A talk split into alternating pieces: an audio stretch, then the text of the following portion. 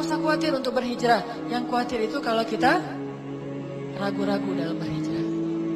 Berangkat, balik lagi, melepaskan, pengen melepaskan status, tapi setengah hati. Terus juga pengen meninggalkan pekerjaan yang lama, cuman uh, nunggu waktu, ah uh, tunggu setahun lagi deh, tunggu dua tahun lagi deh, terus saja. Nah ini namanya apa? Taman nih, berangan-angan. Dan itu salah satu di antara cara setan membisiki manusia. Dia nggak nyuruh kita untuk meninggalkan atau tidak melakukan kebaikan, tetapi dia nyuruh kita untuk menunda kebaikan. Salah satu di antara amal soleh yang paling disukai oleh Allah untuk disegerakan adalah berbuka puasa, sholat berjamaah, dan menikah. Itu amal soleh yang dianjurkan untuk disegerakan.